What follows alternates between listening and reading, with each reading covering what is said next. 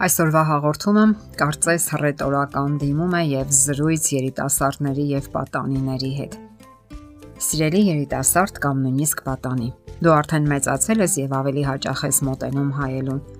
Տարօրինակ փոփոխություններ ես նկատում քո մեջ, թե արտաքին եւ թե ներքին աշխարհում։ Հայելուց քեզ է նայում կարծես բոլորովին ուրիշ երիտասարդ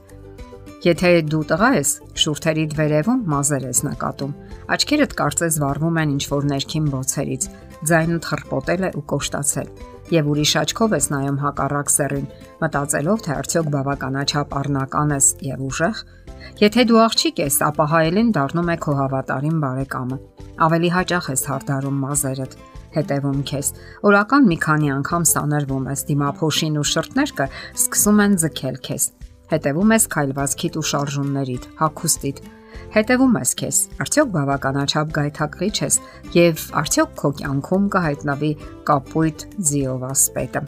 Ասենք որ այդ բոլորը միանգամայն բնական է եւ օրինաչափ, որովհետեւ դու արդեն երեխա ես։ Դու ոտք ես դրել մի շրջան, որը կոչվում է պատանեկության կամ հասունության շրջան։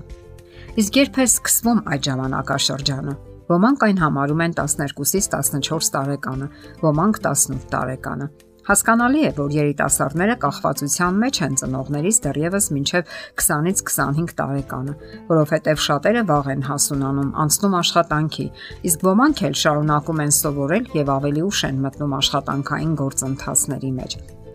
Դու նաև արդեն հասկանում ես, որ շատ բան կախված է այն միջավայրից, որտեղ ապրում ես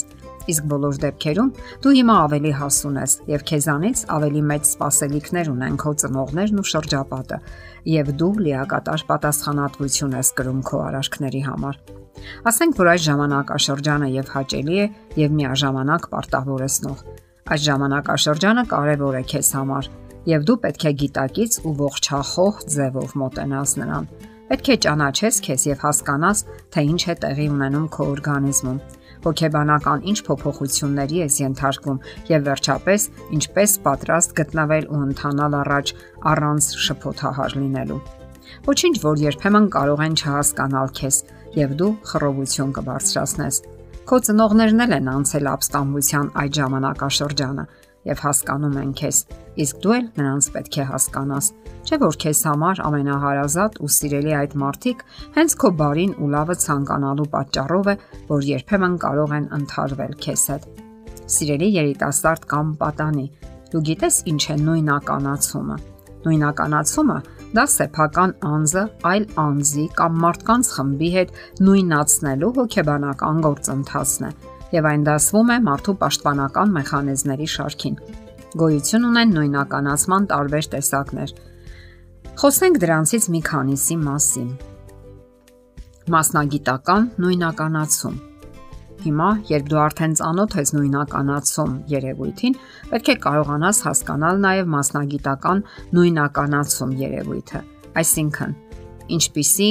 մասնագիտությունն է համապատասխանում քեզ։ Մեր օրերում փոքրինչ դժվար է որոշել, թե որ մասնագիտությունն է հարմար կամ համապատասխան մեզ, սակայն դա անհրաժեշտ է որոշել։ Այսօր բազմաթիվ մասնագիտություններ կամ արհեստներ կան, շատերն էլ գործազուրկ են։ Մասնագիտությունը կարևոր է, որովհետև մարդն իր հասուն եւ գիտակցական կյանքի հսկայական ժամանակը հատկացնում է հենց աշխատանքին եւ այդտեղ դրսևորում է իրեն։ Սեռական նույնականացում Կարևոր է նաև հստակ գիտակցել սեփական սեռը ու վարվել դրան համապատասխան։ Դա կարևոր է, որովհետև արդեն մտնում եք մեծահասակների աշխարհը, կառուցում անձնական փոխհարաբերություններ, այդ թվում նաև մասնագիտական ոլորտում։ Եթե օրինակ մեր հասարակությունը նախկինում կողմնորոշված էր դեպի տղամարդկային գործոնը, ապա այսօր ավելի հավասարակշռված մոտեցում է ցուցաբերում երկու սեռերին էլ Իսկ ահա շատ երիտասարդ տղաներ էլ զգում են, որ այսօր աղջիկներն էլ են հակված ղեկավար պատասխանատու պաշտոնների եւ լրջորեն մրցակցում են իրենց հետ որոշ դաշտերում։ Իսկ բոլոր դեպքերում ձգտիր գտնել այն, ինչը համապատասխանում է քո բնավորությանը եւ ամենակարևորը բավականություն է պատճառում քեզ։ Գաղափարախոսական կամ աշխարհայացքային նույնականացում Այս դաշտում եւս դու կարող ես դժվարություններ ունենալ, ինչը սակայն միանգամայն հաղթահարելի է։ Դու իհարկե հարգում ես քո ծնողների եւ քեզ համար կարևոր մարդկանց գաղափարները, սակայն չես կարողանում կուրորեն հետևել նրանց, որովհետեւ պետք է ինքդ վերլուծես դրանք։ Դրանք կարող են օգնել քեզ, սակայն հարկավոր է ուշադիր քննել, համեմատել սեփական արժեքների հետ Դրանք վերաբերում են սոցիալական, կրոնական, բարոյական եւ այլ սահմանումներին ու արժեքներին։ Եվ ի վերջո դու ինքդ պետք է քո սեփական փորձառությամբ ձևավորես որոշակի համոզմունքներ ու աշխարհայացք։ Կարևոր է լինել ինքնուրույն եւ ազատ անznավորություն։ Իսկ դրա համար հարկավոր է ավելի շատ կարդալ եւ ուսումնասիրել խելացի մարդկանց գրվածքներն ու մտքերը, ձևավորելով սեփականը։